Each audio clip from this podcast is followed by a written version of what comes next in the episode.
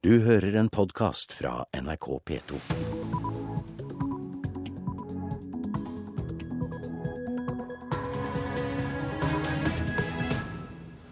Klokka er 6.30 onsdag 28. november. Dette er Nyhetsmorgen med Øystein Heggen. Marit Nybakk slo tilbake og vant nominasjonskamp i Oslo Arbeiderparti. Flymedisinsk institutt frykter at lengre arbeidsdager for flygere og kabinansatte kan gå utover flysikkerheten. Jens Stoltenberg skal i dag drøfte finanskrisen med Frankrikes president Francois Hollande. KrF-politiker diskriminerte lesbisk par, mener Likestillingsombudet. Og folkeeventyrene til Asbjørnsen og Moe kommer i ny utgave, men fortsatt er ikke alt like lett å forstå. Det var en gang en kone som hadde syv sultne unger, og dem stekte hun pannekake til. Det var råmelkskake. Er det noen av dere som vet hva en råmelkskake er? Nei, jeg vet ikke.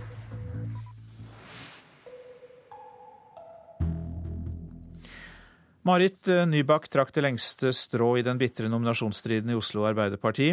I går kveld ble hun nominert på sjetteplass på stortingsvalglisten.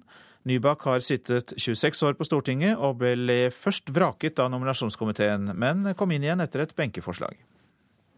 Jeg er akkurat nå litt overveldet over den enorme tilliten som jeg mener nå er vist meg. Og jeg skal gjøre det jeg kan for å gjøre meg den tilliten verdig. Hva tror du gjorde utslaget? Jeg tror eh, at veldig mye av argumentasjonen knyttet til kvinner over 50 eh, har eh, betydd en del. Men det er ikke bare det. Jeg har veldig kontakt med partilaget. Sånn at jeg, Men samtidig har jo du sittet veldig lenge også på Stortinget. ja, jeg har sittet veldig lenge. Og du må ha noe erfaring også. Men du er lettet, du er glad i dag. Jeg er det. Ja, det var eh, Marit Nybakk i går kveld til reporter Lisbeth Skei. Kaja Storvik, du er sjefredaktør i Dagsavisen. Og eh, hva er grunnen til at Marit Nybakk likevel sikret seg sjetteplassen?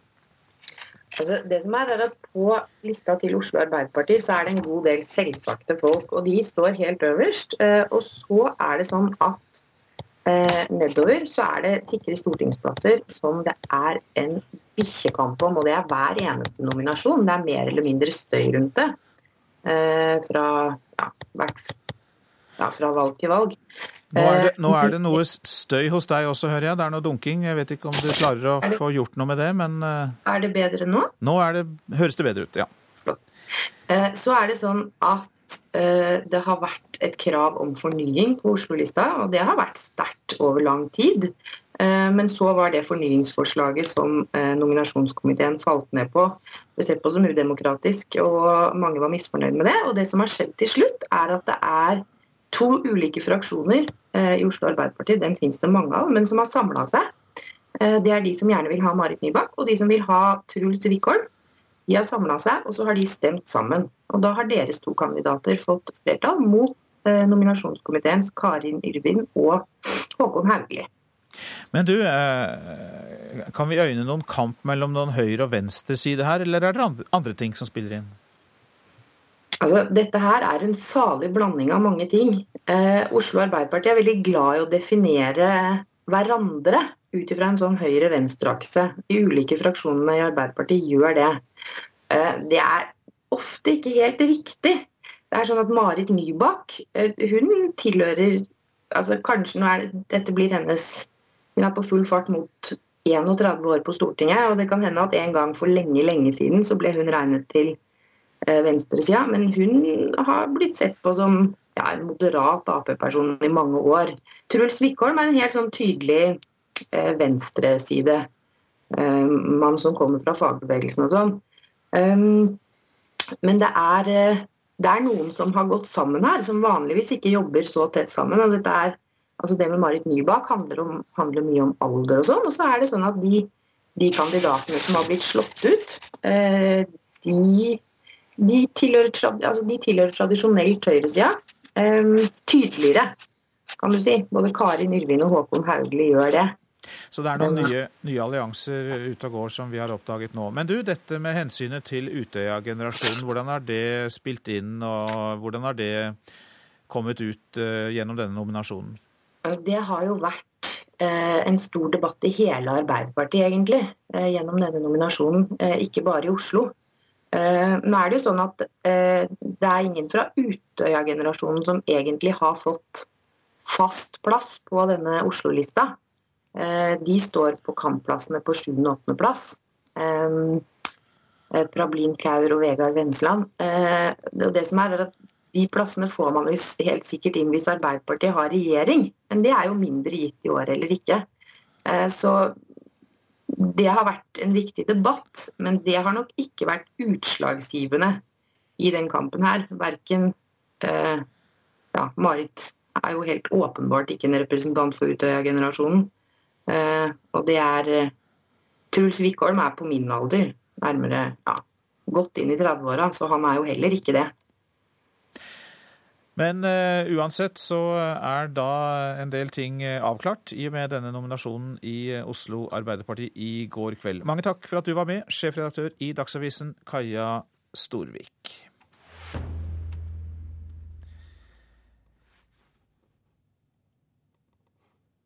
Flymedisinsk institutt frykter at stadig lengre arbeidsdager for flygere og kabinansatte kan gå utover flysikkerheten, skriver Klassekampen. Da de SAS-ansatte nylig gikk med på en ny avtale for å redde det skandinaviske flyselskapet fra konkurs, var en del av avtalen at arbeidstiden for personell om bord på flyene økte fra 42 til 47 timer i uka. Flymedisinsk institutt er urolig, og sier at lengre arbeidstider kan være problematisk og skape farlige situasjoner. For halvannen uke siden ble fagforeningene enige med ledelsen i SAS om nye arbeidsbetingelser. De ansatte sa ja til lavere lønn og lengre arbeidsuker for å redde selskapet fra konkurs. Arbeidsukene til flyvende personell øker fra 42 til 47 timer. Dette kan potensielt skape farlige situasjoner med en flymedisinsk institutt. Til Klassekampen sier direktør Anthony Wagstaff at det er opplagt at lange arbeidsdager kan gå utover flysikkerheten. Pilotene i SAS må være forberedt på å jobbe opptil 60 timer i uka ved store forsinkelser. Mer tillater ikke den europeiske avtalen som regulerer arbeidstida til pilotene. Til sammenligning er den øvre normale grensa for ei arbeidsuke på 40 timer, ifølge arbeidsmiljøloven. Sa reporter Steinar Rostad Breivik. Europa er i en økonomisk felle det er vanskelig å komme seg ut av, sier statsminister Jens Stoltenberg. I dag skal han på sitt første offisielle møte med Frankrikes president Francois Hollande. Finanskrisen biter seg fast i Europa, og det blir viktigste tema på møtet, sier Stoltenberg. Europa har gått i en økonomisk felle. De har lav eh, økonomisk vekst, de har høy arbeidsløshet og burde brukt mer penger. Det kan de ikke, fordi de har så stor gjeld at de kan ikke bruke mer penger. Når Jens Stoltenberg i ettermiddag går inn dørene i det ærverdige Élysée-palasset, møter han en president som sliter tungt.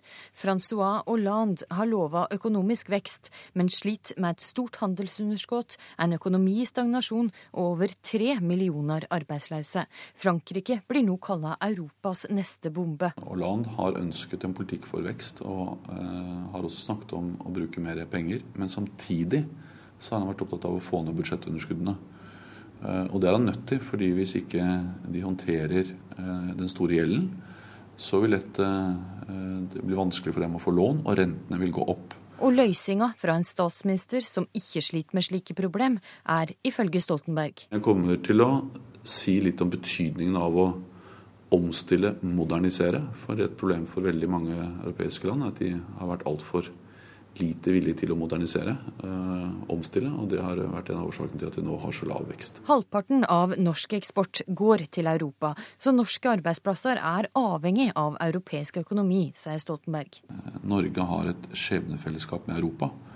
Øh, fordi øh, det er ikke gitt at Norge vil fortsette å ha en så god økonomisk utvikling som vi har, hvis de økonomiske problemene i Europa fortsetter.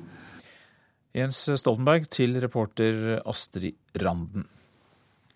Over 1000 fabrikkarbeidere demonstrerte i Dhaka i Bangladesh i går. De krevde straff for dem som sto bak brannene i en brann i en klesfabrikk der 101 mennesker omkom.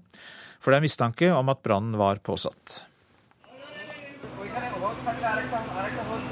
Politi og brannmenn sikrer brannstedet i hovedstaden Dhaka, der 111 mennesker mistet livet. Innenriksministeren i Bangladesh hevder at fabrikkbrann var påsatt. Vår konklusjon er at dette var en sabotasjehandling. Vi er i ferd med å finne ut hvem sabotørene var, og alle skyldige vil bli stilt til ansvar. Det sier innenriksminister Mohidin Khan Alamgir. Brannen i hovedstaden Dhaka brøt ut lørdag. I tillegg til de omkomne ble over 150 skadd på fabrikken til selskapet Tazrin Fashion, som produserer klær for minst én europeisk kleskjede.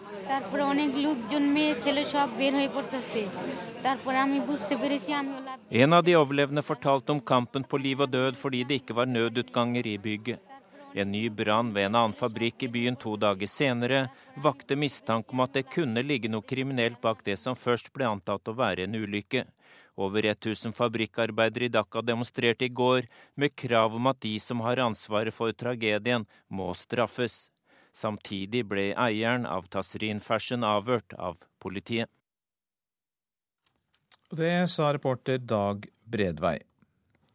Livet i norske fjorder står i fare dersom regjeringen lar gruvenæringen bruke fjordene som avfallsplass. Det advarer fiskeriinteresser og miljøorganisasjoner. Lars Haltbrekken, leder i Norges naturvernforbund, går nå sammen med fiskeri- og havbruksinteresser for å beskytte norske fjorder. Vi frykter for konsekvensene for livet på sjøbunnen av å bruke norske fjorder som avfallsplass for eh, gruveindustrien. Det er jo slått fast fra forskerne at konsekvensene kan bli at du får døde fjorder i mange år framover. Mer om dette i Nyhetsmorgen etter klokka sju. Så skal vi si litt om det avisene skriver. Hun baner veien for andre ensomme, skriver Aftenposten om 88 år gamle Reidun Orest, som annonserte i avisa etter selskapet i julen og sto fram i Dagsrevyen i går. Fire av ti eldre er eh, tidvis plaget av ensomhet, skriver avisa. Vil forby tasting bak rattet, skriver Dagsavisen. Forsikringsbransjen fortviler over alle ulykkene forårsaket av at sjåfører bruker smarttelefon i bil, og bransjen vil gjøre tasting ulovlig. Slik lokkes du til dyrere strøm, skriver Bergens Tidende. I en TV-reklame forteller Fjordkraft at du kan spare 2100 kroner årlig på å velge dem, men i virkeligheten kan du tape 600 kroner, skriver avisa. Fjordkraft avviser at TV-reklamen er villedende. Beskylder strømrival for ulovlige metoder, skriver Adresseavisen. Trondheimskraft mener rivalen Trønder Energi har brukt uredelige metoder for å stjele strømkunder. Panikkbeskyldninger svarer Trønder Energi. Halvert handel på børsen er oppslaget i Dagens Næringsliv. Omsetningen er tilbake på 2003-nivå, og eh, OECD advarer mot global baksmell. Fem nestenulykker i Nordsjøen siden mai er oppslaget i Stavanger Aftenblad. Går det galt i oljeindustrien, snakker vi fort om katastrofale følger, skriver avisa. Kristent livssyn er i kraftig nedgang, leser vi i Vårt Land. For fire år siden sa seks av ti nordmenn at det kristne livssyn lå nærmest deres eget men nå er det nede i bare fem av ti. Regjeringen svikter Nord-Norge, skriver Nordlys. Tromsøs Høyre-ordfører Jens Johan Hjort mener regjeringen kunne drevet eh, Nord-Norge-utbygging ved å støtte sykkelrittet Arctic Race of Norway. Røyking skader hjernen, er oppslaget i Dagbladet. Unngå at hjernen din eldes, er tipset der. Fem år gamle Natalie har kreft og lever på lånt tid, er oppslaget i VG. Nå skriver familien bok om hennes historie for å hjelpe andre. Schæferen sjeik tar taggere, leser vi i Fedrelandsvennen. Erik Overgård har lært opp hunden sin til å reagere på lyder fra spraybokser. Og den kan slå alarm dersom taggerne slår til i bydelen Frogner i eh, Kristiansand. I dag begynner alvoret for skiskytterne. Verdenscupstart på 20 km i Østersund. Emil Hegle Svendsen sier han må få orden på stående skyting for at det skal bli seier. Ja, det er litt sånn frustrerende akkurat nå. For det har vært eh, veldig bra i høst. Og så når snøen kom og kom på beito og, delvis her nå på, på søndagen, så, så er jeg ikke helt der. Så vi får, må jobbe steinhardt nå for å, for å få det på plass igjen. Men han har oppskrifta klar på hvordan det skal gjøres. Det viktigste er å holde, holde godt tak i børsa med, med høyrehånda. At du, får, at du liksom tar kommandoen over børsa. Og at du holder høyt trykk på avtrekkeren, at du ikke blir for sein. Så Det er de to tingene jeg fokuserer på. Det er liksom grep og, og høyt trykk på avtrekkeren. Emil Hegle Svendsen er godt fornøyd med de to nye trenerne Roger Gruben og Espen Nordby Andersen. Nytt treningsregime og tettere oppfølging er bra. Får bedre opplegg, tettere oppfølging med, med treneren på, på, på, det som skjer mellom samlingene, som er like viktig selvfølgelig som, som det som skjer på samling. Så, så jeg føler kvaliteten har vært sikra mye bedre på, på hjemmebane. og har fått, fått mer, mer, utbytte av treninga, rett og slett fordi at man skjerper seg.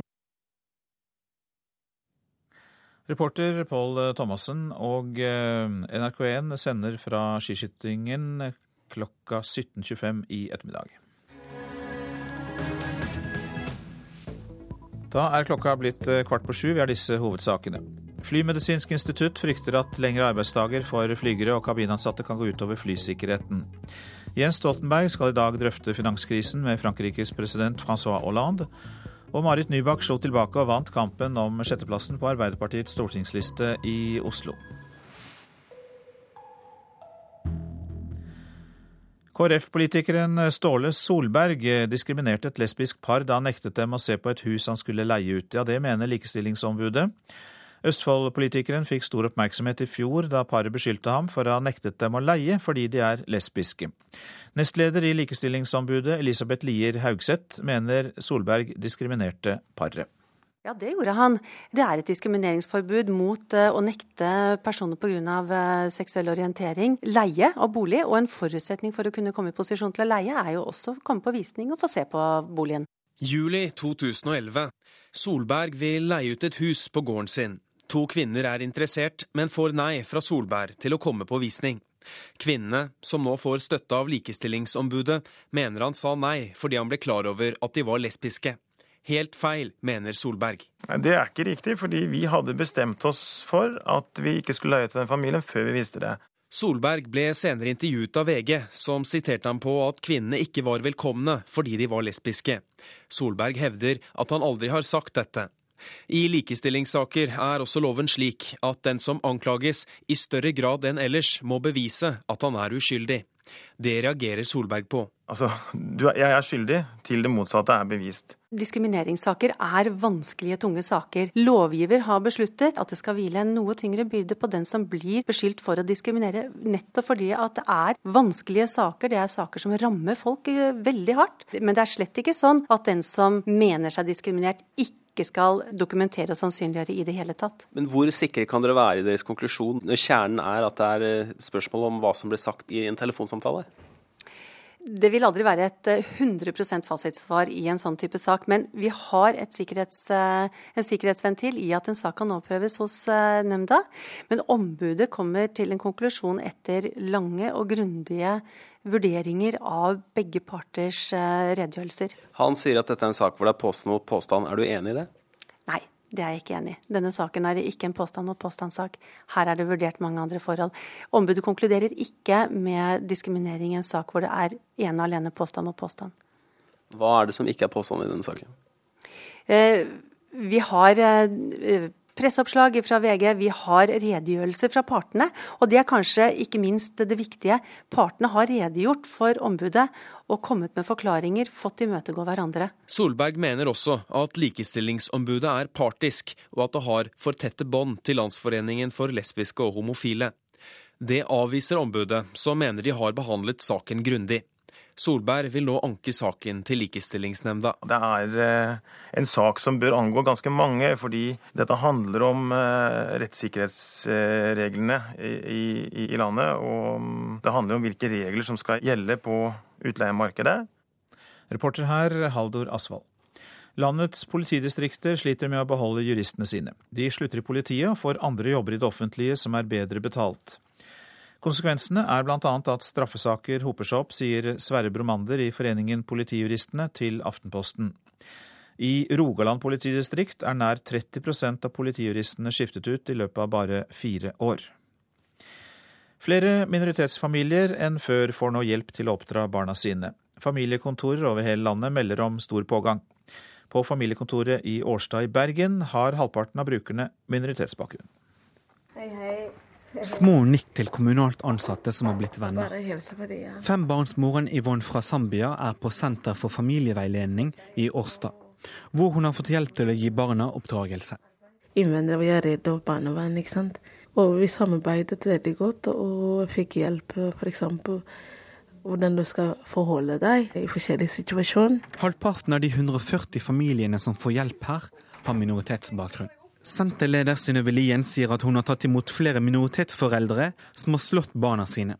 Det er de vant med fra hjemlandet. På senteret skal de lære andre måter å oppdra de minste på. Vi går inn og snakker om situasjoner som gjør til at dette skjer, og prøver sammen med de å finne alternative strategier. Vibeke Heitmann, rådgiver i Bufetat i Region Vest, sier også at behovet er stort utenfor storbyene omliggende kommuner også har behov for dette programmet, hvor det er en økt tilflytning av folk fra andre kulturer. NRK har vært i kontakt med kontor flere steder i landet som hjelper minoritetsforeldre med oppdragelse. De bekrefter at etterspørselen er stor og øker. For flere vet nå at tilbudet finnes. De ser at det er ikke så farlig, det er noe som er nyttig i hverdagen. Og den jungeltelegrafen er nok også veldig viktig i vårt arbeid. Det at folk snakker sammen. Yvonne har fått hjelp her i to år og nå klarer hun seg stort sett selv. Fred hjemme hjelper.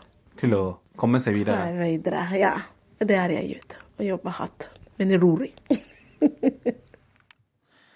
og reporter her, det var Renold Tennesen Christoffer.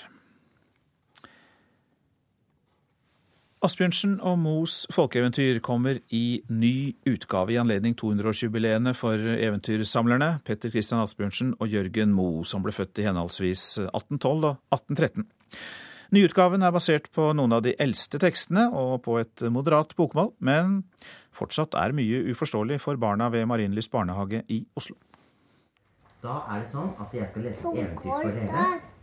Og det er et eventyr som heter Pannekaken. Den har mormor fortalt meg. Og min mamma òg. Vil jeg lese for dere? Barn i alderen 3 til 5 år ved Marienlyst gårdbarnehage i Oslo har eventyrstund med pedagogisk leder Lars Martin Tofteberg Holer. Denne gangen er det en ny utgave som leses høyt. For første gang på tolv år er Asbjørnsen og Moes samlede folkeeventyr kommet ut i en språklig bearbeidet utgave i anledning 200-årsjubileet. Det var en gang en kone som hadde syv sultne unger, og dem stekte hun pannekake til. Det var råmelkskake. Er det noen av dere som vet hva en råmelkskake er? Alba? Nei, jeg vet ikke. Men språket er ikke modernisert. Uttrykk som f.eks. å bie på, spjut og nisteskreppe er beholdt i den nye utgaven, selv om mange av ordene ikke brukes av barn i dag. Ja, Hvis jeg skal bruke egne erfaringer, så må jeg jo si at den utgaven som jeg hadde da jeg var barn, 1940, den var meget radikal. Så min mor, som leste for meg, hun kan umulig ha lest i den boken uten å simultanoversette. Det gjorde hun ganske sikkert. Forteller leksikograf Tor Guttu, som har oversatt eventyrene. Den nye utgaven er basert på Asbjørnsen og Moes originale tekster fra 1860- og 70-årene. Guttu sier han har valgt å beholde dialektale ord og ord forbundet med gammelt levesett, for at både voksne og barn kan lære av dem ja, bak i hvert enkelt bind for øvrig, det er jo ganske praktisk, så har vi trykt en ordliste. Og det er det jo i de fleste eventyrutgaver av noen størrelse. En liste med sjeldne ord, ord som er sjeldne i dag. Og som eh, fantes da i talespråket til eventyrfortellerne på 1800-tallet, men som trenger en forklaring i dag. Mm. For du vet, eventyrene skildrer jo dagligliv på 1700- og 1800-tallet, og da er det jo mangt og meget som er forandret. Og da pannekaken ikke kom lenger, er ikke reglen lengre heller. Og snipp, snapp, snute, så var eventyret ute. Reporter var Trine Leian, men det er ikke helt snipp, snapp, snute, for det blir mer om dette i Kulturnytt eh, fem over åtte, og de får faktisk besøk av en eventyrekspert. Telenor skal være i samtale med det indiske selskapet Tata Teleservice om en sammenslåing av virksomhetene i India. En kombinasjon av de to selskapene vil bli Indias fjerde største teleoperatør, målt i antall kunder, skriver Finansavisen. En eventuell sammenslåing må godkjennes av indiske konkurransemyndigheter. Telenor vil ikke kommentere saken. Dersom forbruket av økologisk mat skal øke, må markedsføringen bli bedre, viser en ny undersøkelse. Neste år skal staten bruke 10 millioner kroner på en ny kampanje, ifølge Nasjonen. Rundt 1% av all mat som omsettes i Norge er økologisk, og regjeringens mål er at produksjon og omsetning skal være 15% for økologisk mat i 2020. New Zealand håper at turistene skal strømme til landet etter Hollywood-filmene om Hobbiten, slik det skjedde etter filmserien Ringenes herre. I dag har første del av trilogien premiere i Wellington, New Zealand, der filmen ble spilt inn. Men feiringen har pågått i to dager allerede. Med store pålimte plastører og kapper av vadmel hadde flere hundre fans av filmen 'Hobbiten' fått delta på kostymeparty til ære for Hollywood-filmen som har premiere på New Zealand i dag. Og de fikk hilse på filmens største stjerner. That's wonderful. It, it always feels like coming home, genuinely. So I'm happy to be here. I'm happy to be celebrating The Hobbit. It's a wonderful film. Det er fantastisk. Det føles alltid som å komme hjem når jeg kommer hit. Det er en fantastisk film. Det sier skuespiller Elia Wood. I byen Wellington på New Zealand, hvor filmen har blitt spilt inn, har festen allerede startet før verdenspremieren i dag. In a hole in the ground, there lived a hobbit. Wood spiller en av hovedrollene, Frodo, i det som skal bli en trilogi basert på Tolkiens bok 'Hobbiten'. Karakterene er kjent fra 'Ringenes herre'-filmene, som også ble tatt opp på New Zealand. Nå håper turistsjef Kevin Bowler at 'Hobbiten' skal lokke like mange turister til landet som 'Ringenes herre'-filmene gjorde. If we were able to achieve another 100 to 200,000 visitors, which would be similar to what was achieved with Lord of the Rings over the next two or three years, that'd be a fabulous result. Det var så vidt New Zealand klarte å karre til seg Hollywood-produksjonen i konkurranse med andre land.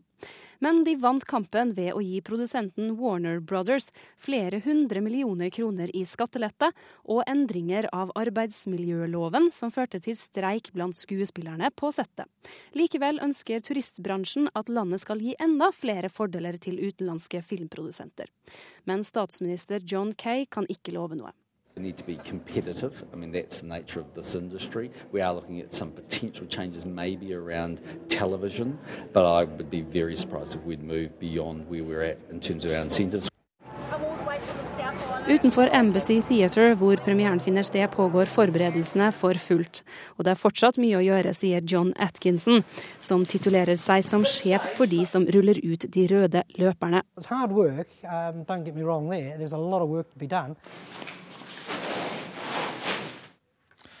Reporter, det var Eirin Venås Sivertsen. Og så et værvarsel. Fjell i Sør-Norge, stort sett oppholdsvær. Østland og Telemark, på kysten liten kuling. Litt snø av og til tidlig på dagen, ellers opphold. Agder får stort sett opphold og etter hvert lettere skydekke. Rogaland og eh, Hordaland stort sett oppholdsvær. Sogn og Fjordane og Møre og Romsdal enkelte sludd- eller snøbyger i ytre strøk, ellers til dels pent vær. Trøndelag får liten kuling i nord, utrygt for snø i grensestrøkene, men ellers til dels pent vær. Helgeland, Saltfjellet, Salten og Ofoten. I sør liten kuling og oppholdsvær. Lofoten, Vesterålen og Troms enkelte sludd- eller snøbyger. Finnmark. Først på dagen liten kuling i øst, i sør litt snø og på kysten enkelte snøbyger, men ellers oppholdsvær også i Finnmark. Så tar vi Nordensjøland på Spitsbergen. Liten kuling utsatte steder, stort sett oppholdsvær. Temperaturer som ble målt klokka fire. Svalbard lufthavn minus seks, Kirkenes minus åtte, Vardø minus fire. Alta også minus fire, Tromsø-Langnes minus én, Bodø null, Brønnøysund pluss to, Trondheim-Værnes pluss to, Molde minus to. Bergen-Flesland pluss én, Stavanger fire, Kristiansand-Kjevik tre. Gardermoen og Lillehammer hadde begge null grader. Røros minus tre, og Oslo-Blindern hadde én grad da klokka var fire i natt. Du lytter til Nyhetsmorgen, og vi kan fortelle at utenriksministeren kommer til oss her i Nyhetsmorgen etter klokka sju. Han skal nemlig offentliggjøre hvilken stilling Norge tar til forslaget fra palestinerne om at de skal få observatørstatus i eh, FN. Altså Det er et omstridt forslag som blir lagt fram av Mahmoud Abbas i dag, som utenriksministeren skal fortelle om Norges stilling til etter klokka sju.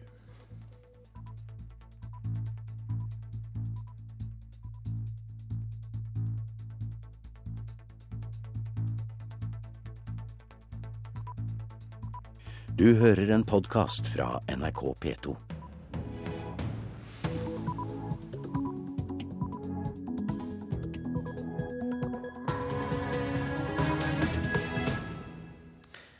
Du lytter til eh, Nyhetsmorgen. Eh, nå klokka sju har vi disse hovedsakene. Opposisjonen på Stortinget krever en gransking av sammenslåingen av Oslo-sykehusene.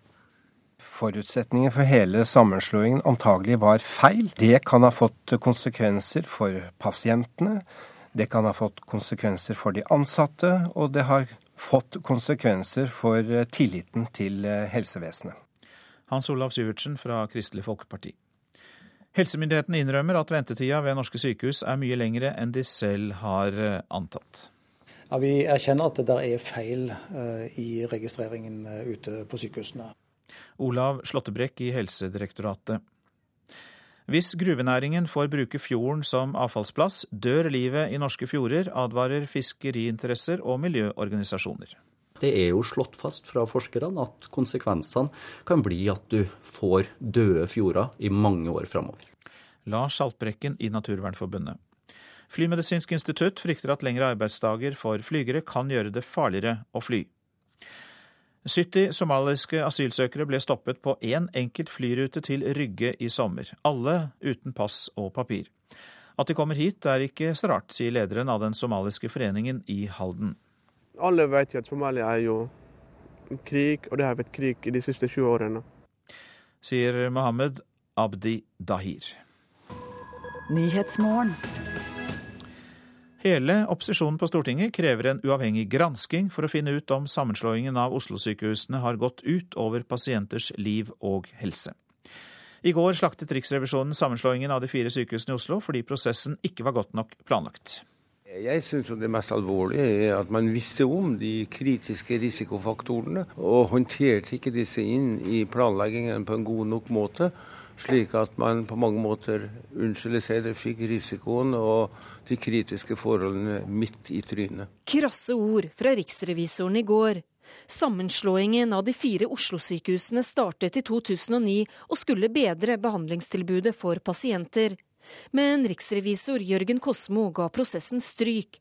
Dårlig planlegging kan ha gått utover pasientene. Til slutt da selvfølgelig går det utover pasientbehandling. Så alvorlig er kritikken at Høyre, Kristelig Folkeparti, Fremskrittspartiet og Venstre nå krever at helseminister Jonas Gahr Støre nedsetter en uavhengig granskningskommisjon, sier helsepolitisk talsmann i Høyre, Bent Høie. Det som er det store spørsmålet nå, er jo om dette har gått utover pasienters eh, liv og helse. Vi vet at det har vært mange alvorlige episoder ved sykehuset i denne perioden, men vi vet ikke helt sikkert om dette kan knyttes til den situasjonen de ansatte ble satt i. Også Per Arne Olsen, nestleder i Fremskrittspartiet, sier dette er alvorlig. Denne prosessen skulle sette pasientsikkerheten i første rekke. Og når dette går utover pasienten, og vi har fått mange tilbakemeldinger om altså, at det også går utover de ansatte, eh, og sånn skal vi ikke ha det. Eh, formålet med å gjøre hovedstadsprosessen var å få et mer effektivt sykehus til beste for pasientene. Dette har blitt det motsatte pga. dårlig tid, og at det ikke er satt av nok penger til prosessen. Og parlamentarisk leder i Kristelig Folkeparti, Hans Olav Syvertsen. Vi ser jo nå at eh, forutsetningen for hele sammenslåingen antagelig var feil. Det kan ha fått konsekvenser for pasientene. Det kan ha fått konsekvenser for de ansatte, og det har fått konsekvenser for eh, tilliten til eh, helsevesenet. Hva slags eh, konsekvenser er du redd for? Ja, Det er jo rett og slett at vi har fått en sammenslåing som det ikke var faglig grunnlag for. At den ikke burde funnet sted. Tidligere helseminister Anne Grete Strøm-Eriksen fikk også kritikk av Riksrevisjonen. Men Bent Høie fra Høyre mener at også statsminister Jens Stoltenberg må ta sin del av ansvaret. Jens Stoltenberg sin, eh, som statsminister sin strategi på dette området har jo vært å flytte rundt på statsministrene med en gang det begynner å bli eh, vanskelig. Eh, men han beholder de stort sett i regjeringen. og Det betyr at da hviler det et større ansvar på han enn det det ville gjort på den ansvarlige statsråden. Høyres Bent Høie til slutt der. Reporter Ellen Omland. Ja, øh, dette med ventetiden ved sykehus. Det er slik at helsemyndighetene innrømmer at ventetida ved norske sykehus er mye lenger enn de selv har oppgitt. Og den reelle ventetida ved behandlingen er én måned lenger. Nå eh, innrømmer de altså at ventelistestatistikken er feil. Ja, Vi erkjenner at det der er feil uh, i registreringen uh, ute på sykehusene. Det sier Olav Slåttebrekk, som jobber i Helsedirektoratet. I går fortalte NRK Dagsrevyen om elleve sykehus som bryter pasientrettighetslova. Fylkeslegene har sett at sykehus setter ny startdato for behandling når en pasient blir henvist videre til ny avdeling. Det kan være svært alvorlig for den enkelte pasient som har rettigheter knytta til startdatoen. Og det betyr også noe annet, sier fylkeslege Kristian Bjelke i Møre og Romsdal. Ja, Det betyr at de offisielle ventelistetallene også vil bli feil når man har flere frister for samme diagnose for samme pasient. Først én på f.eks. på medisinsk avdeling, og så én på kirurgisk avdeling. I går peka også Riksrevisjonen på ventelistefeil. Ser vi på statistikken, må en typisk pasient vente 68 dager på behandling. Noe helseminister Jonas Gahr Støre uttrykte glede over i Dagsrevyen i går. Vi har ventetidene ned, vi er på vei ned mot 65 dager, og det har vi god kurs mot. Det er bare det at det ikke stemmer. Den reelle ventetida på behandling, skriver Riksrevisjonen, er nesten en måned lenger, 96 dager. Ja, Det som skjer, det er jo at det praktiseres ulikt mellom de ulike sykehusene, det regelverket som, som ligger der. Noen sykehus gir riktige opplysninger. Andre har mer enn 100 dager lengre ventetid på enkelte behandlinger enn de oppgir. Når vi har fritt sykehusvalg, mener riksrevisor Jørgen Kosmo det er alvorlig at pasienter som orienterer seg om ventetid, ikke får korrekt informasjon. Når dette ikke fungerer godt nok, når informasjonen som ligger i bånn ikke er god nok, så blir heller ikke valgmuligheten reell. Men selv om han innrømmer feil i rapporteringa, mener divisjonsdirektør Slåttebrekk i Helsedirektoratet at pasienter kan stole på ventetidsinformasjonen. Nei, Jeg tror det er grunnlag for å stole på at det er et godt skjønn som sykehusene her uh, gir i forhold til hvilken ventetid som faktisk gjelder. Selv om en del av de data som kommer fram nå viser store avvik mellom reell ventetid og rapportert ventetid. Ja.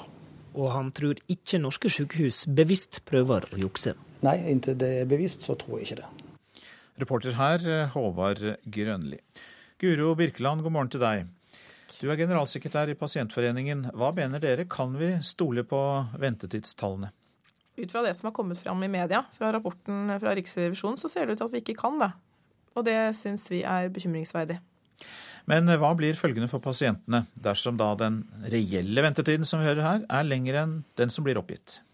Konsekvensen for pasientene er jo at de, hvis de da benytter seg av fritt sykehusvalg, så gjør de det på bristende forutsetninger. Og da kan det hende at den ventetiden de da trodde de skulle få, blir vesentlig lenger. Men eh, hvilke rettigheter har pasientene oppi alt dette? Altså hvilke rettigheter har de til å få oppgitt eh, helt korrekt informasjon?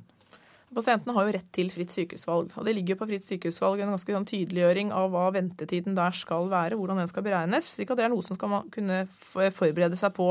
Eh, og Når det fungerer, så kan det bidra til at pasienten både får raskere diagnose og behandling. og Det er viktig for mange pasienter. Helsedirektoratet sier jo til NRK at eh, forskjellige sykehus har ulik oppfatning av hvordan de skal registrere ventetid. Har du gjort opp noen tanker om hvorfor du tror det er så vanskelig for dem? Altså jeg mener jo i utgangspunktet det ikke er vanskelig.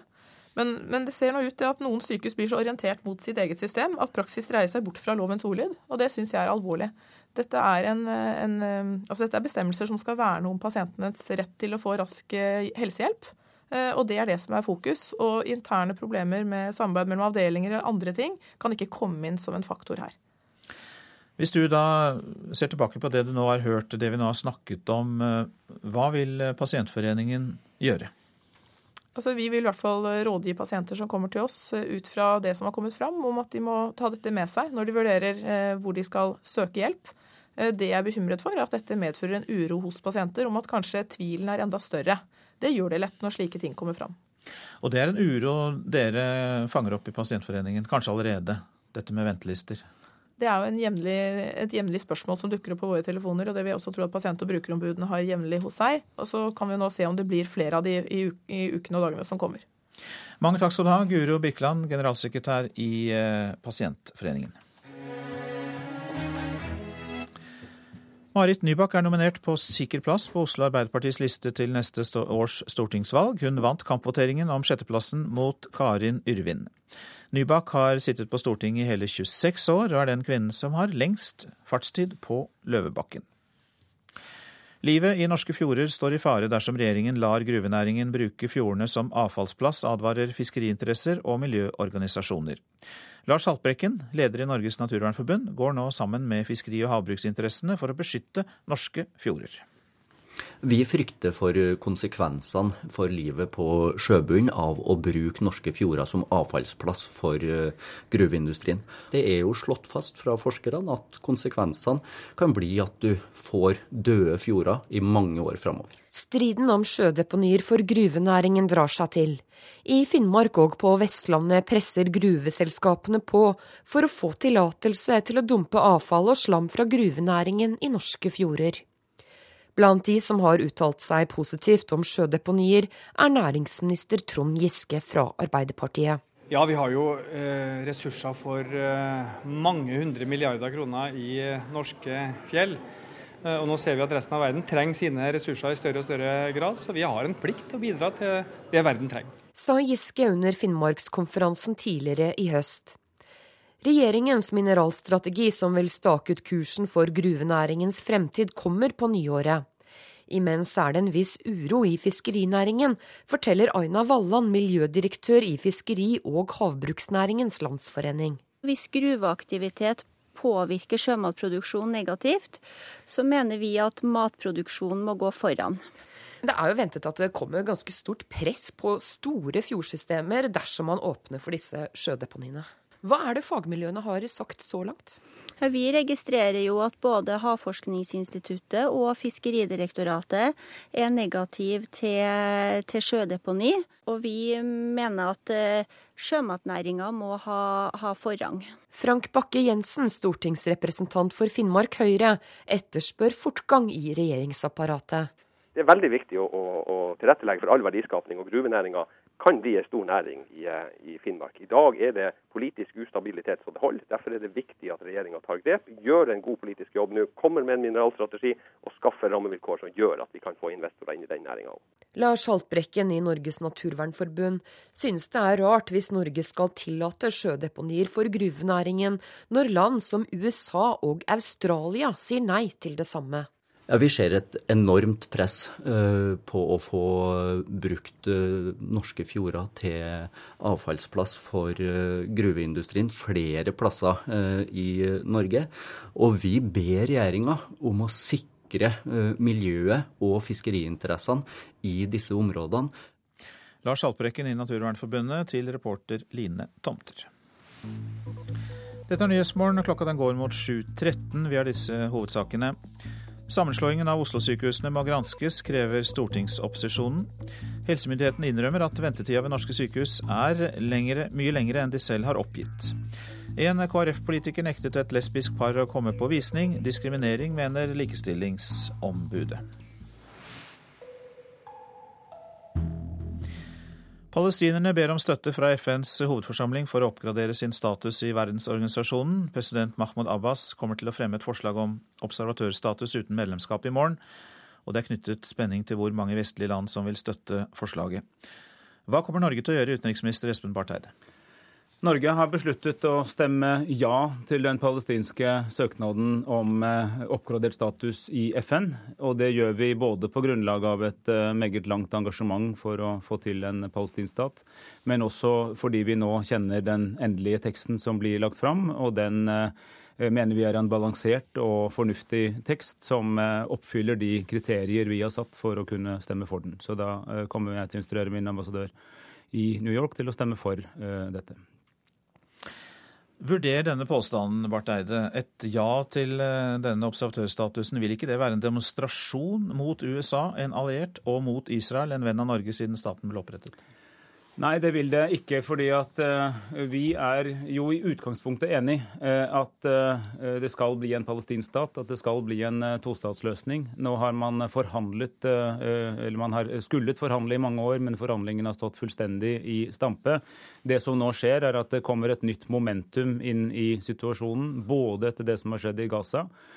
Og fordi dette nå kommer på bordet. Og jeg tror vi nå kommer til å se et sterkere engasjement også fra amerikansk side. Det er ingen hemmelighet at eh, USA har vært skeptisk til at palestinerne går denne veien, men jeg ser for meg at svært mange europeiske stater eh, i likhet med oss kommer til å falle ned på dette standpunktet. Jeg mener det er et riktig standpunkt.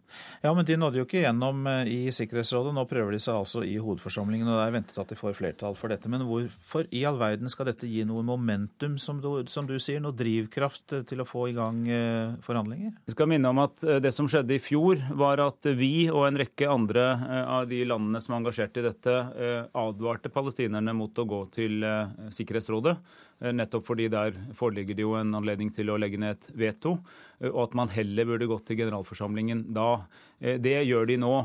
Videre har vi gitt en del ganske klare råd til hva en slik tekst bør inneholde, for at man får med seg europeiske land, og de, de er oppfylt. Momentumet mener jeg er skapt både av det som har skjedd i det siste i Israel-Palestina-konflikten, hvor det er en risiko, sett fra de som eh, tror på en fredelig løsning, for at det er Hamas som har kommet sterkest ut av den konflikten. Det er et argument for at eh, man ikke må påføre Abbas, den palestinske presidenten, som kommer fra den moderate fløyen, og ikke påføre han et nederlag i den situasjonen vi nå er. Og jeg tror at summen av disse tingene gjør at man nå tvinger fram en prosess der det tidligere har vært stillstand. Og signalet vi får fra amerikanerne, er at også de skjønner at de må mer tungt på banen enn de har vært. Nå er eh, president Obama heldigvis eh, gjenvalgt, og det gir ham også en ny autoritet til å ta tak i dette, og det tror jeg han kommer til å måtte gjøre. Hvilke andre vestlige land kommer til å støtte denne observatørstatusen unnskyld, for Palestina? Ja, Frankrike var jo ute i går og sa at de ville det, og det er en rekke land som i likhet med oss nå har sittet i, i, i natt og sett på dette. Hvilke, de, hvilke, tror du? Ja, altså jeg tror de landene egentlig skal få lov å kunngjøre seg selv, men jeg tror i hvert fall at vi kan regne med en 13-14 land og, og, og, og, kanskje flere. Og så får det være opp til hvert land å kunngjøre sin posisjon. og Det er jo da først nå vi har sett den endelige teksten, og derfor så er mange i samme situasjon som oss. Men jeg opplever at det er et betydelig bevegelse mot uh, både at land som trodde de skulle stemme nei, stemmer avholdende, og at land som trodde de skulle stemme avholdende, kommer til å stemme ja, fordi teksten er balansert og konstruktiv, som sagt. Takk skal du ha, utenriksminister Espen Barth Eide, for at du kom i, i Nyhetsmorgen. Titusener av egyptere er i harnisk fordi de mener president eh, Mohammed Morsi tilriver seg stadig mer makt. Det muslimske brorskap stjal revolusjonen, sto det på en plakat som demonstranter tok med seg til Tahrir-plassen i går kveld. Og i går ble flere av kontorene til Det muslimske brorskap angrepet. Midtøsten-korrespondent Sigurd Falkenberg Mikkelsen, ja du er jo i eh, Kairo. Og hvor alvorlig blir situasjonen vurdert der? Gårsdagen var en eh, meget stor markering. Eh, jeg vil tippe det var eh, i hvert fall 200 000 mennesker på og rundt Tahrir-plassen. Den absolutt største demonstrasjonen uten deltakelse av islamister. Verken fra brorskapet eller fra andre partier. Så dette var en stor, stor markering for venstresiden, for de sekulære og liberale. Og den kommer på et meget spent tidspunkt i egyptisk politikk og historie. Eh, brorskapet avlyste en demonstrasjon for å unngå blodsutgytelser. Det er en pågående prosess eh, og en konflikt mellom rettsapparatet og Morsi. Rettsapparatet er den siste delen av eh, statsapparatet som Morsi ikke kontrollerer. slik at dette, dette, er en, dette, er en, meget spent situasjon som kommer til å fortsette i dagene og ukene som kommer. På hvilken måte er det den nye presidenten har samlet alle tråder i sin hånd? Det er flere ting. Altså det som eh, fikk det til, hele til å eksplodere, var jo da han eh, gikk ut med et dekret som sa at ingen av hans beslutninger eh, kunne utfordres av rettsapparatet. Hans begrunnelse er at rettsapparatet stanset revolusjonens framgang. Og en del av de kreftene i rettsapparatet som han ville ha fjernet, er ikke særlig populære. Men metoden fikk altså uh, veldig mange til å reagere her. Uh, og folk har vært misfornøyde og urolige lenge. Uh, så Morsi klarte altså å provosere fram denne demonstrasjonen mer enn at den organiserte seg selv. Vi husker jo scenene fra Tahrir-plassen i Kairo under den arabiske våren, og da da regimet ble styrtet. Er folk innstilt på noe tilsvarende på en langvarig motstand? Altså, Vi er jo en mye mer komplisert eh, situasjon eh, nå. En overgangsfase med forskjellige krefter i spill. Eh, og Den vesentlige forskjellen mellom det som skjedde i 2011 og det som skjer nå, er jo at presidenten har jo genuin støtte, særlig blant sine egne. Han er demokratisk valgt. Slik at det går mot mye mer konflikt internt i Egypt enn det som var da Mubarak ble styrtet. Men en ting som jeg merket meg da jeg var på plassen i går, det er at det var også mange av de eh, revolusjonære som valgte å stemme på Morsi eh, i håp om at han ville eh, etablere et demokrati, og som nå er meget urolige for utviklingen. Og de tror ikke på han når han sier at dette bare er en midlertidig beslutning.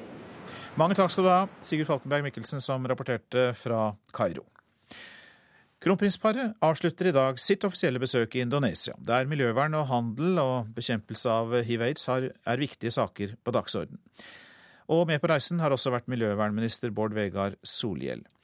Og så er det slik da at Norge har lovet mange milliarder i støtte til bevaring av Indonesias regnskog, men det er knyttet betingelser til dette, at landet kan vise til gode resultater mot avskoging.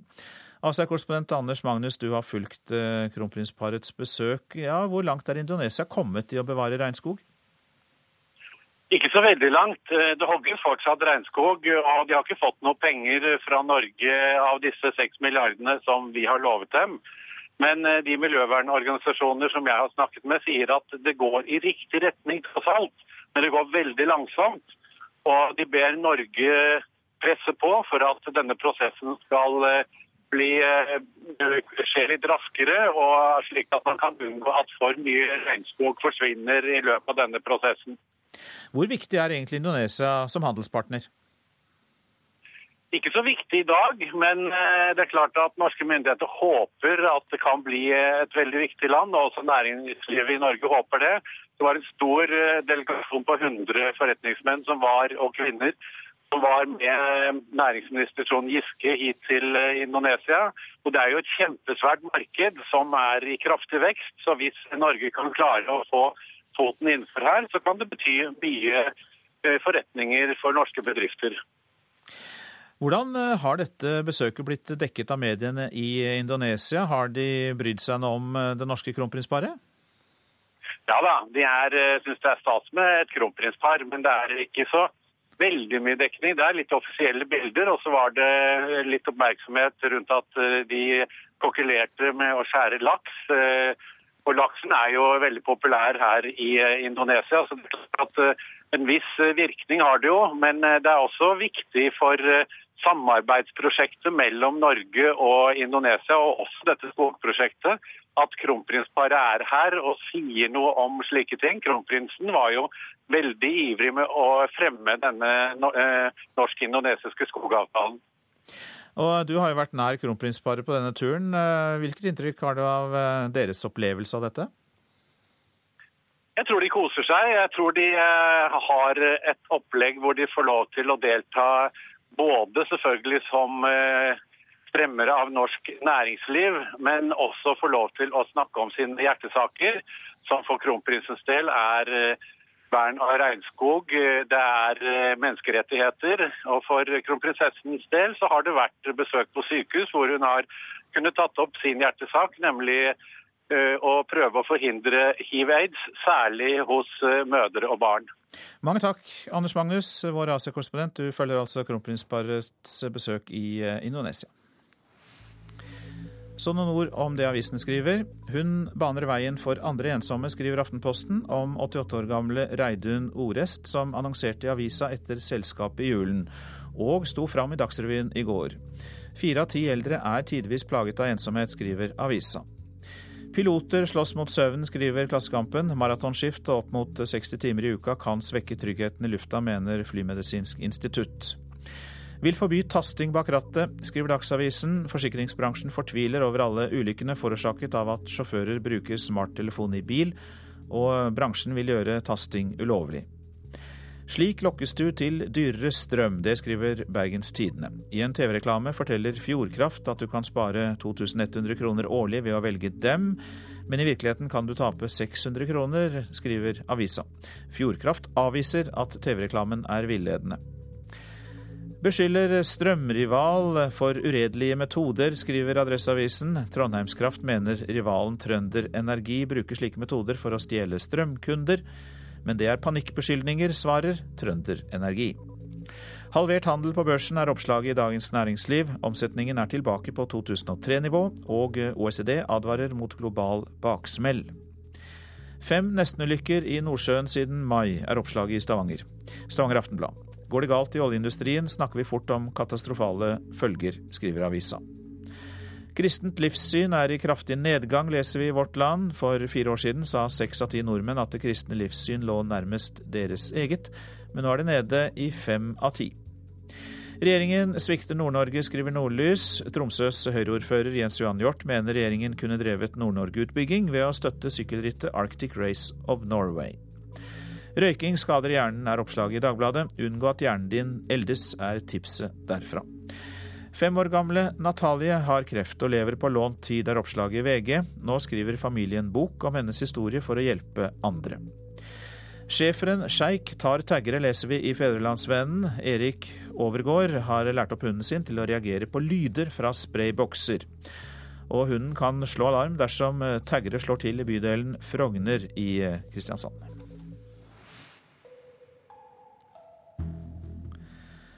70 somaliske asylsøkere ble stoppet på en enkelt flyrute til Rygge i sommer. Asylsøkerne kvittet seg med pass og papirer på flyturen, sier politiførstebetjent Anders Lia på Moss lufthavn Rygge. Når de kommer til oss på Moss lufthavn Rygge, så er det uten dokumenter. En strøm av papirløse asylsøkere kommer til Moss lufthavn Rygge med Ryanair. Politiførstebetjent Anders Lia er sjef for kontrollen som ofte møter dem ved ankomst. Han lurer på hvor papirene blir av underveis, men vet om én av metodene. Vi vet jo at en del av de blir revet i filler, kasta i flytoalettet. Vi får beskjed av de som tømmer toalettene at eh, det ligger rester av pass i, i tankene når de tømmes. Alle vet jo at Somalia er jo krig, og det har vært krig i de siste 20 årene. Mohammed Abdi Dahir leder den somaliske foreningen i Halden. Han møter nyankomne landsmenn som har reist gjennom ørkener og over hav til det sørlige Italia. Herfra vil mange videre til Norge og får hjelp av menneskesmuglere.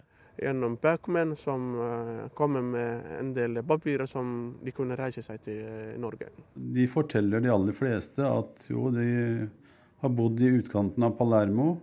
De veit jo ikke akkurat hvor i et hus hvor det er personer da som har skaffa de reisedokument. De har tatt bilde, lagd et pass og hjulpet de om bord på flyet. Jeg snakker med en del som har kommet fra Italia. Det, det er noen som sier til meg at det er bedre å, å, å være i krigen enn å enn være i Italia og, og, og havne i gata. Å være asylsøker i Italia er langt vanskeligere enn i Norge, understreker Mohammed. Over 2000 somaliere har valgt å komme til Norge i år, mange av dem papirløse.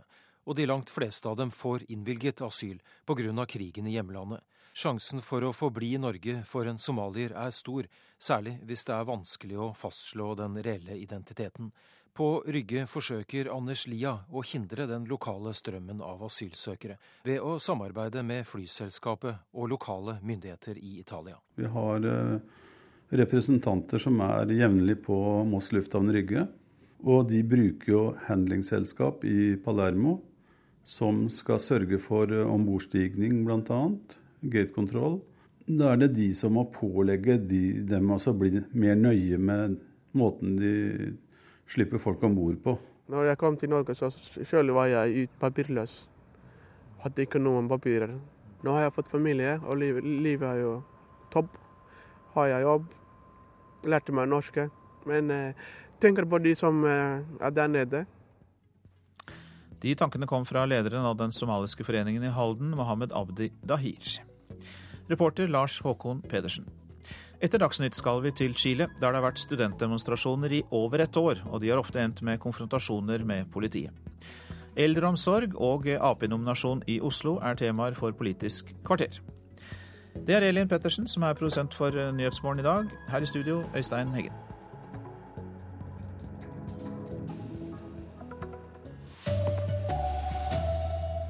Sammenslåingen av Oslo-sykehusene må granskes, krever opposisjonen på Stortinget.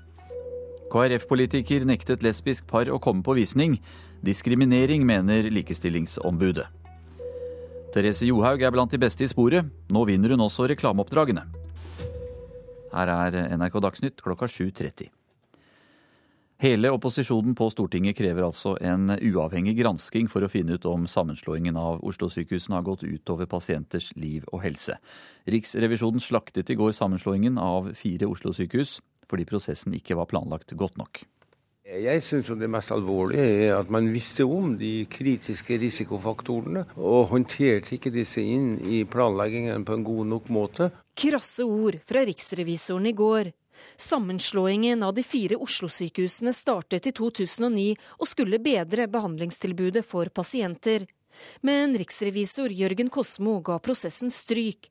Dårlig planlegging kan ha gått utover pasientene. Til slutt da selvfølgelig går det utover pasientbehandling. Så alvorlig er kritikken at Høyre, Kristelig Folkeparti, Fremskrittspartiet og Venstre nå krever at helseminister Jonas Gahr Støre nedsetter en uavhengig granskningskommisjon, sier helsepolitisk talsmann i Høyre, Bent Høie. Det som er det store spørsmålet nå, er jo om dette har gått utover pasienters eh, liv og helse. Vi vet at det har vært mange alvorlige episoder ved sykehuset i denne perioden, men vi vet ikke helt sikkert om dette kan knyttes til den situasjonen de ansatte ble satt i. Også Per Arne Olsen, nestleder i Fremskrittspartiet, sier dette er alvorlig. Formålet med å gjøre hovedstadsprosessen var å få et mer effektivt sykehus til beste for pasientene. Dette har blitt det motsatte pga. dårlig tid, og at det ikke er satt av nok penger til prosessen og parlamentarisk leder i Kristelig Folkeparti, Hans Olav Syvertsen. Vi ser jo nå at eh, forutsetningen for hele sammenslåingen antagelig var feil. Det kan ha fått konsekvenser for pasientene, det kan ha fått konsekvenser for de ansatte, og det har fått konsekvenser for eh, tilliten til eh, helsevesenet. Reporter her, det var Ellen Omland. Helsemyndighetene innrømmer at ventetida ved norske sykehus er mye lengre enn det de forteller. Den reelle ventetida på behandling er én måned lenger enn oppgitt. Nå innrømmer de at ventelistestatistikken er feil. Ja, Vi erkjenner at det der er feil uh, i registreringen uh, ute på sykehusene. Det sier Olav Slåttebrekk, som jobber i Helsedirektoratet. I går fortalte NRK Dagsrevyen om elleve sykehus som bryter pasientrettighetslova sykehus setter nystartdato for behandling når en pasient blir henvist videre til ny avdeling. Det kan være svært alvorlig for den enkelte pasient. Og det betyr også noe annet, sier fylkeslege Kristian Bjelke i Møre og Romsdal. Det betyr at de offisielle ventelistetallene også vil bli feil når man har flere frister for samme diagnose for samme pasient. I går peka også Riksrevisjonen på ventelistefeil. Ser vi på statistikken, må en typisk pasient vente 68 dager på behandling. Det er bare det at det ikke stemmer. Den reelle ventetida på behandling, skriver Riksrevisjonen, er nesten en måned lenger, 96 dager.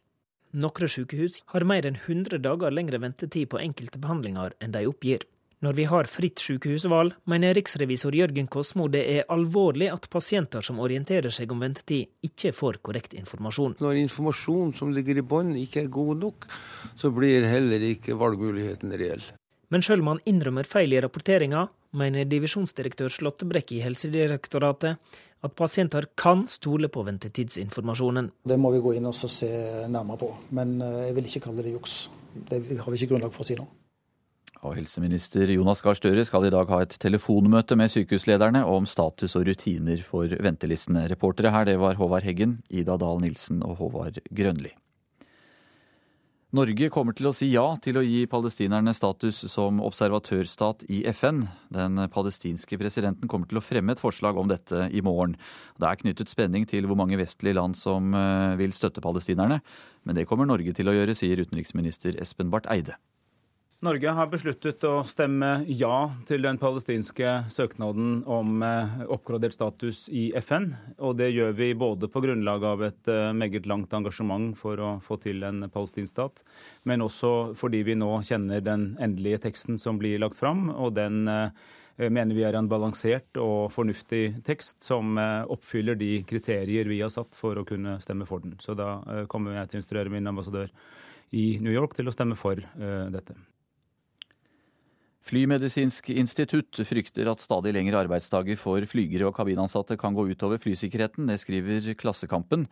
Da de SAS-ansatte nylig gikk med på en ny avtale for å redde det skandinaviske flyselskapet fra konkurs, var en del av avtalen at arbeidstida for personell om bord på flyene økte fra 42 til 47,5 timer i uka. Flymedisinsk institutt er urolig og sier at lengre arbeidstider kan være problematisk og skape farlige situasjoner.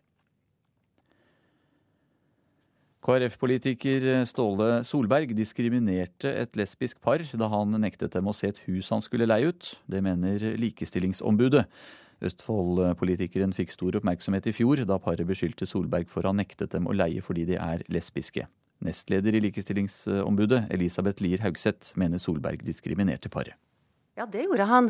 Det er et diskrimineringsforbud mot eh, å nekte personer pga. Eh, seksuell orientering leie av bolig. Og en forutsetning for å kunne komme i posisjon til å leie, er jo også å komme på visning og få se på boligen.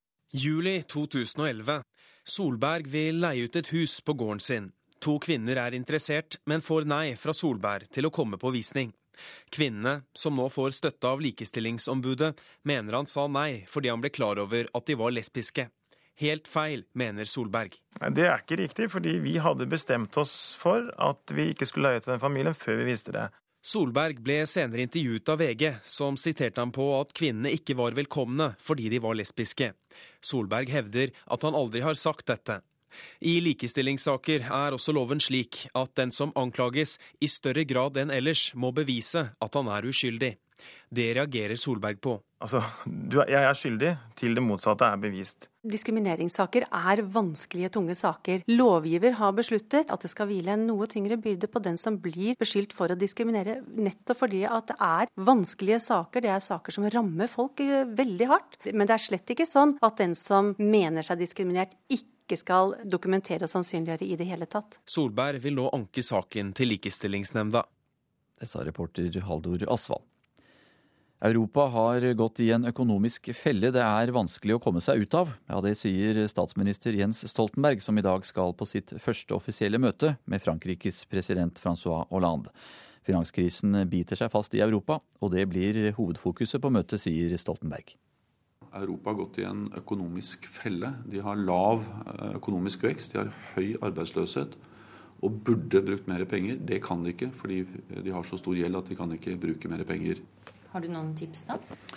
Først og fremst så tror jeg jeg reiste til Paris for å lytte eh, i forhold til hvordan eh, Frankrike prøver å håndtere eh, det økonomiske tilbakeslaget. Det er en veldig stor europeisk økonomi. Det har også betydning for Norge. Men jeg kommer til å si litt om betydningen av å omstille, modernisere. For det er et problem for veldig mange europeiske land at de har vært altfor lite villige til å modernisere, øh, omstille. Og det har vært en av årsakene til at de nå har så lav vekst. Reporter Astrid Randen. Stortingspolitiker Marit Nybakk ble i går kveld nominert på sikker plass på Oslo Arbeiderpartis liste til neste års stortingsvalg. Nybakk har sittet 26 år på Stortinget og ble først vraket av nominasjonskomiteen, men kom inn igjen etter et benkeforslag. Og Marit Nybakk er gjest i Politisk kvarter kvart på åtte i P2 og Alltid nyheter. Therese Johaug er den mest populære langrennsløperen, iallfall eh, i reklamemarkedet. Nå er Johaug med i flere julekampanjer, og det er gøy å bli spurt, sier hun. Det er jo veldig mye positive tilbakemeldinger på det. Eh, men så skal det sies at eh, jeg er en amatør.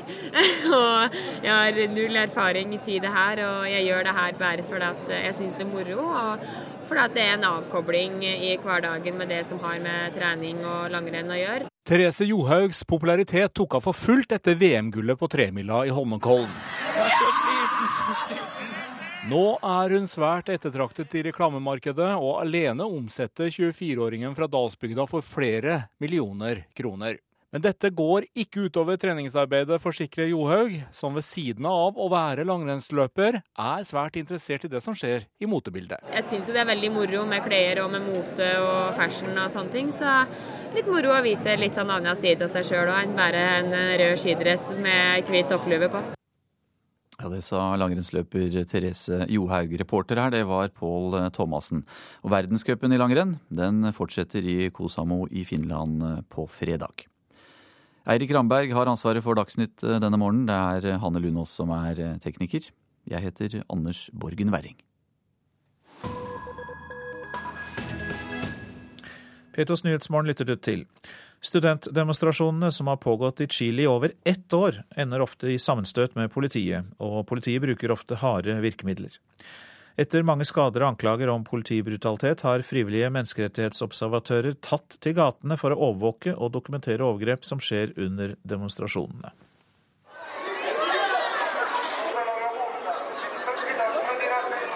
Sammenstøt mellom chilenske studenter og opprørspoliti i hovedstaden Santiago.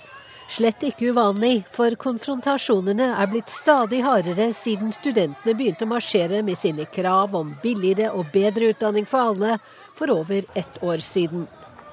Men de siste månedene har noen nye mennesker dukket opp midt i kaoset. Frivillige observatører utstyrt med notatblokk, kamera, gassmaske og hjelm. Eh, Det vi gjør er å overvåke statens handlinger under disse demonstrasjonene. Den chilenske regjeringen har jo undertegnet internasjonale menneskerettighetsavtaler, og vi passer på at avtalene blir fulgt, forklarer talskvinnen for en av observatørgruppene, Marta Cisternas. Likevel fortsetter myndighetene å torturere. Det medisinske fakultetet bekrefter at noen av ungdommene har fått skade skade fra tortur utført i politibiler eller på politistasjoner, sier hun til nyhetsbyrået Reuters. Hjelmene kalles de, pga. de blå eller hvite beskyttelseshjelmene med store bokstaver som tilkjennegir dem som nøytrale observatører midt i kampens hete. De har klare regler å følge. Ikke gripe inn i det som skjer, ikke bann til politiet, og jobb alltid sammen to og to. De løper til når politiet overmanner en demonstrant. Skjer det overgrep fra politiets side, er det observatørenes jobb å ta bilder eller video, ta opptak av øyenvitneskildringer og notere navnet på den politimannen som har kommandoen. I mediene hører vi bare at det var så og så mange arrestasjoner, at så og så mange politifolk ble skadet. Men de snakker aldri om hvor mange demonstranter som ble såret eller har fått sine menneskerettigheter krenket. Derfor må vi passe på for å dokumentere slik at det er klart for alle som følger med på situasjonen i Chile, at ja, menneskerettighetene blir brutt, sier Javiera Corbalan. Hun er visepresident i Menneskerettighetskommisjonen ved Det medisinske fakultetet og en frivillig observatør. Demonstrantene tar nå kontakt med observatørgruppene før de planlagte protestaksjonene. De føler seg tryggere med observatørene til stede. Jeg var en av dem som marsjerte i protest før, og merket etter hvert at ikke bare politiet, men også demonstrantene oppførte seg bedre når observatørene fulgte med. Det forteller Lucas Diaz, en av de såkalte hjelmene. Og observatørenes jobb er ikke slutt når demonstrasjonen er det. Arresterte studenter følges opp på politistasjonen. Vi gir dem råd og lar dem forstå at de ikke er alene, sier menneskerettighetsadvokat Luis Parra. Mens Marta Cisternas oppsummerer ideologien bak de frivilliges innsats. Vi bør alle være menneskerettighetsobservatører. I hele samfunnet ikke bare under demonstrasjonene. Og utenriksmedarbeider Wenche Eriksen har satt sammen denne reportasjen. Du lytter til Nyhetsmorgen. Vi har disse hovedsakene. Opposisjonen på Stortinget krever en gransking av sammenslåingen av Oslo-sykehusene. Flymedisinsk institutt frykter at lengre arbeidsdager for flygere kan gjøre det farligere å fly. Og hvis gruvenæringen får bruke fjorden som avfallsplass, dør livet der, advarer fiskeinteresser og miljøorganisasjoner. Og hos deg i Politisk kvarter, Per Arne Bjerke, blir eh, eldreomsorg et tema. Ja, nå er det på tide å våkne fra den tverrpolitiske dvalen og øremerke mer penger til eldreomsorgen, sier Siv Jensen, og møter Audun Lysbakken til debatt. Og partiveteran vant kampvoteringen i Oslo Ap, kommer til Politisk kvarter sammen med ungdomslederen.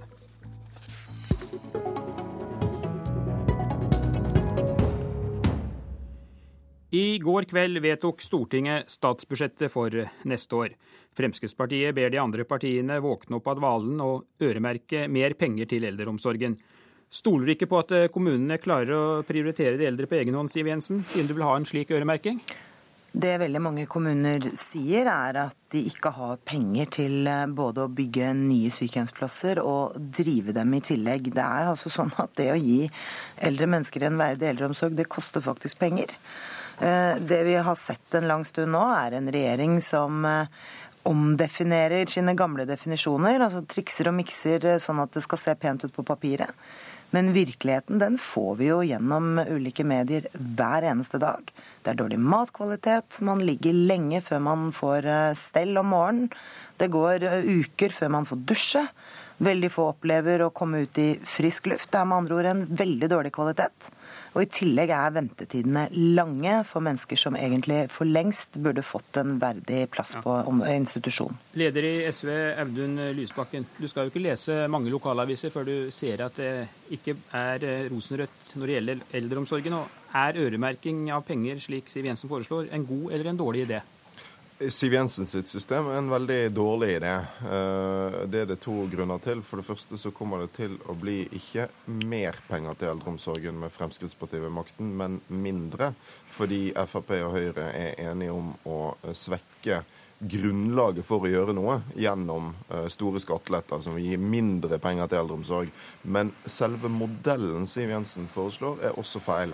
Hun ønsker å stykkprisfinansiere eldreomsorgen, altså at det skal være en viss pengesum som følger hver diagnose hver person. Det kommer til å føre til en nasjonal stoppeklokkeomsorg med en håpløs detaljstyring av kommunene. Det er sånn at det er enkelt å måle hva det koster med et rom og en sprøyte, men hvem kan måle hva det koster med menneskelig kontakt, med eh, medisinske behov knyttet til veldig mange ulike tilstander? Eh, med alt det som ikke er målbart i eh, de eldres hverdag, det kommer altså til å føre til et dårligere tilbud, en dårligere mulighet til å tilpasse eldreomsorgen til hver enkelt. Eh, Siv Jensen, er det en detaljstyring av kommunene dere egentlig legger opp til? Nei. Det vi legger opp til, er en likebehandling av eldre mennesker, uavhengig av hvilken kommune de bor i. Så får jeg tilbakevise begge påstandene til Lysbakken. Punkt én, det blir ikke mindre penger, det blir mer. I vårt budsjett for 2013 foreslår vi både betydelige skattelettelser til vanlige folk. Og vi øker kommunerammen med 3 milliarder og øremerker 1,2 milliarder direkte til eldreomsorgen. Og det er jo rart, da. Altså, i, i, i, denne regjeringen hvor SV sitter, så har man ikke hatt noen problemer med å øremerke penger til bedre lærertetthet, til barnevern, til psykiatri og barnehager. Så man har egentlig ikke noen sånn prinsipiell motforestilling, men man vil bare ikke øremerke penger til eldreomsorgen, som har vært eh, skadeskutt i mange år. Den andre feilen Lysbakken kommer med, er en påstand om at vår modell er feil. Vi har altså delvis stykkprisfinansiering av sykehusene i dag. Og det sykehusene melder om, er at de vil ha mer, ikke mindre stykkpris, rett og slett fordi det gjør det attraktivt å behandle flere pasienter raskere. Lysbakken. For det første så vet alle at hvis Fremskrittspartiet og Høyre skal klare å samarbeide, så kommer det til å være uten ekstra oljepengebruk, og dermed forsvinner Siv Jensens ekstra penger til eldreomsorgen. Det kommer til å bli mindre penger til eldreomsorg med store skatteletter. Men den aller viktigste debatten her er en systemdebatt. Det Frp vil ha, er altså en rigid nasjonalstyring av eldreomsorgen kombinert med omfattende privatisering. Det vi har sett eh, der man har gjort det i stor grad, f.eks. i Danmark, har man nylig gjort en studie som viser at da blir det mindre tid til de eldre. Privatisering har det ved seg at eh, noen må tjene penger. Det går utover de ansattes betingelser, det går utover bemanningen. Og det vil eh, også føre til en, en dårligere eldreomsorg. Deg, Lysbakken. Dere har altså sittet med makta i sju år. Synes du at det skinner av dagens eldreomsorg? Nei, men vi er på vei fordi det har kommet flere eh, folk eh, i eldreomsorgen. Vi er godt i gang med byggingen av 12 000 nye heldøgns omsorgsplasser. Og vi har innført nye rettigheter som gjør at eldreomsorgen blir bedre. Så det er store utfordringer i eh, årene som kommer. Jeg er ikke prinsipielt imot øremerking. Jeg mener vi skal øremerke når vi ser at kommunene ikke klarer å gjøre viktige løft. Men Siv Jensen sin modell det er altså en modell for en dårligere eldreomsorg og ikke en bedre eldreomsorg, fordi det gjør det vanskeligere å tilpasse omsorgen til de som trenger det. Men det som er det viktigste spørsmålet for økt kvalitet, det er å øke grunnbemanningen i eldreomsorgen. For da blir det mer tid til hver enkelt må, av de Siv Jensen få svare, hun er med oss fra studio i Stortinget. Jeg syns det er ganske underholdende å høre på Lysbakken. Han sier jo at SV skal bli det nye helsepartiet, og jeg har så langt i denne debatten ikke hørt han si én eneste ny ting som han og hans regjering vil iverksette for å bedre kvaliteten i eldreomsorgen. Det er det Fremskrittspartiet som står for. Det er altså sånn at vi for å få opp kvaliteten er nødt til å stille helt andre krav. Vi må lovfeste retten til sykehjemsplass. Vi må stille krav til bemanningsnormer. Eh, og så er ikke regjeringen godt i gang med målet om 12 000 nye sykehjemsplasser. Så langt, med perioden fra 2005 til 2010, har vi kun hatt en netto økning i sykehjemsplasser på 1146. Det er 10% under 10% av det målet regjeringen har satt seg. Og på toppen av det hele, når de nå ser at ikke de når målene, så kommer de med nye definisjoner. Det som i sin tid skulle være nye eh, sykehjemsplasser, har nå blitt definert som nye og fornyede. Det betyr med andre ord at hvis man maler et gammelt rom, så er det å anse som en ny plass. Det forteller jo alt om en regjering som har gitt opp eh, å gjøre noe med eldreomsorgen. Og da tenker jeg at i stedet for å bruke mer av den gamle medisinen som gir oss dårligere kvalitet og mindre fart i eldreomsorgen, så trenger vi ny medisin, og den står Fremskrittspartiet alene om å, å utskrive. Det å si et tilsagn til over 6000 uh, heldøgns omsorgsplasser, så det du sier her er feil. Nei, det er det ikke. Men det er uh, ett spørsmål som er viktigere enn alle andre når det gjelder å øke kvaliteten i eldreomsorgen. og Det er å satse på de ansatte. Vi er nødt til å rekruttere flere, og vi må sørge for at det er attraktivt å bli i eldreomsorgen. Uh, og vi vet at det er uh, særlig når grunnbemanningen er presset, at kvaliteten går ned, og at det er vanskeligere å få de ansatte til uh, å bli i jobben. Det går utover de eldre, det går utover arbeidsmiljøet, det går utover de pårørende. Da er økt grunnbemanning det aller viktigste spørsmålet. Jeg besøkte Bergan sykehjem i Kristiansund tidligere i år. De har altså greid å øke grunnbemanningen uten at det kostet de mer penger fordi vikarbruken og sykefraværet gikk så mye ned blant de ansatte. Og Det førte selvfølgelig til en mm. langt bedre hverdag også for de eldre. Så det er satsing på de ansatte som gir en bedre eldreomsorg. Men Frp vil dessverre motsatt. De vil konkurranseutsette eh, de ansatte, sånn at det er pensjonen og betingelsene til de ansatte som blir innsatsfaktoren i eldreomsorg. Siv Jensen, eh, her i Oslo, hvor jo dere har sittet med makten, så er jo konkurranseutsetting et av elementene i eldreomsorgen. Og er du fornøyd med eldreomsorgen slik den fremstår i hovedstaden? Den har blitt dramatisk mye bedre enn det den var. Og så tror jeg vi må rette opp en feil. Det å åpne opp for konkurranse handler om å også slippe til aktører som tør å tenke nye tanker. Mange av de sykehjemmene i Oslo som gjør det aller best, når du spør beboerne, og det er jo de som har skoen på, som er beboere på sykehjemmene, som kanskje er best til å vurdere hvordan de har det, så scorer altså de private tilbudene langt bedre i gjennomsnitt enn mange av de offentlige. Mitt poeng er at vi trenger en miks av offentlig eide og privateide sykehjem, rett og slett fordi de ved å konkurrere ved hverandre kan lære av hverandre og øke kvaliteten. Men så er det jo riktig at det er viktig at eh, man rekrutterer mer ansatte til denne sektoren. Da er jo en viktig forutsetning at flere av eh, sykepleierne, hjelpepleierne som søker til denne tjenesten, får muligheten til å jobbe heltid. Der fremmet jo Fremskrittspartiet et forslag for noen år siden om å øke lønnen for, for lavtlønnede kvinneyrker. Det stemte SV mot, selv om de later som de er for det når det er valgkamp. Lysbakken.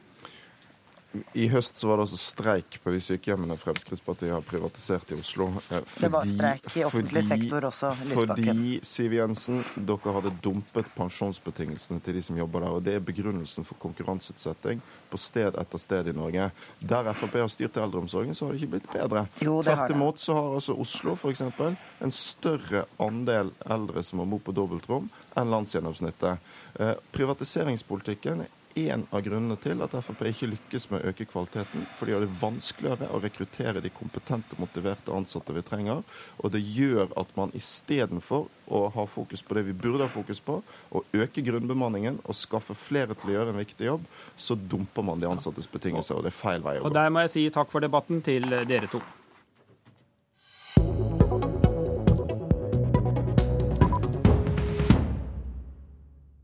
I går kveld vedtok Oslo Arbeiderparti den endelige listen foran stortingsvalget etter langvarig kamp om flere av plassene. Striden sto om bl.a. partiveteran Marit Nybakk med 26 år bak seg på Stortinget.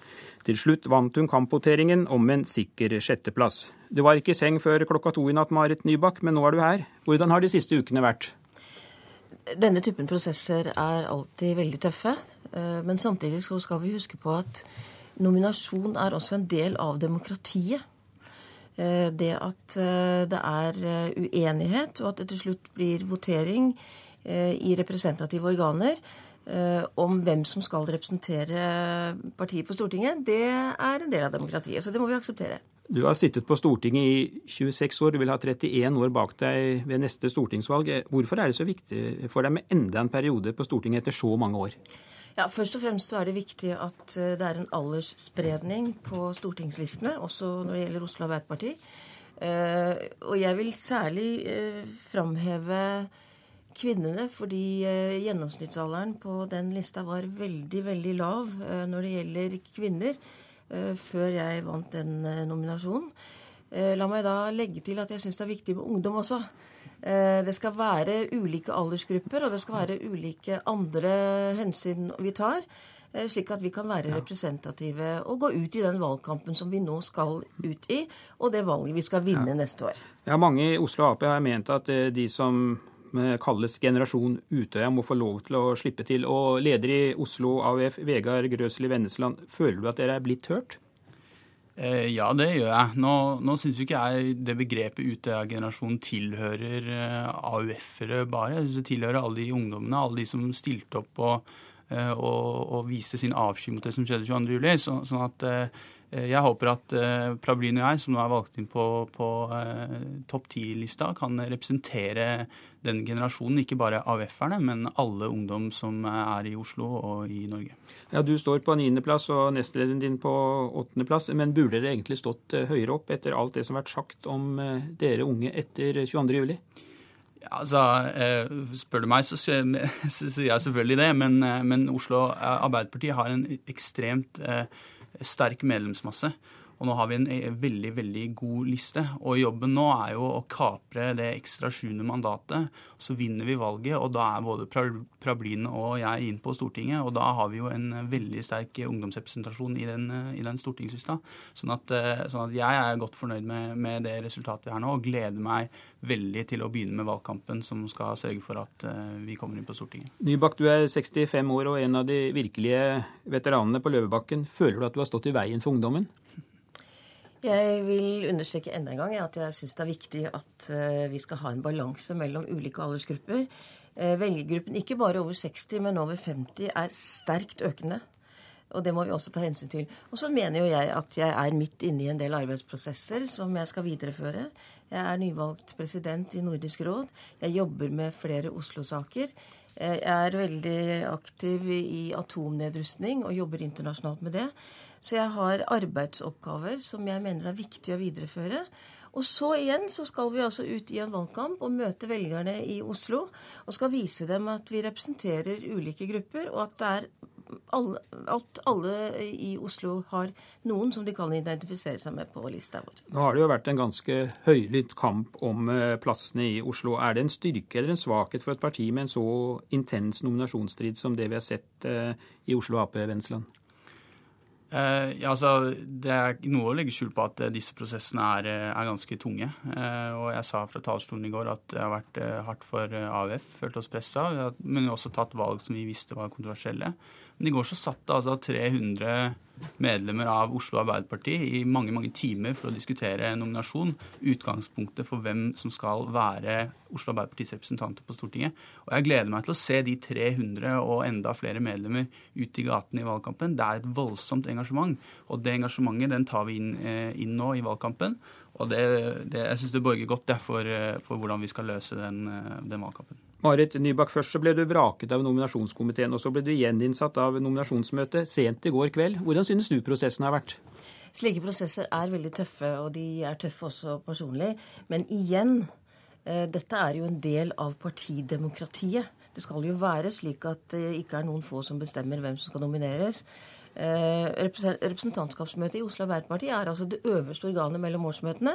Og det er det som tar stilling til hvem som skal representere, eller, eh, altså representere Arbeiderpartiet på Stortinget. Og det gjorde representantskapet i Oslo Arbeiderparti i går kveld.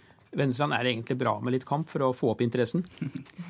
Ja, du må i hvert fall tåle det. Altså, Uenighet fins i politikken både om, både om, saker og om personer, så det må vi tåle. Men nå gleder jeg meg til at dette laget som ble valgt, skal ta Norge videre og vinne valget. Det gjør jeg også. Takk skal dere ha, og det var Politisk kvarter. Jeg heter Per Arne Bjerke.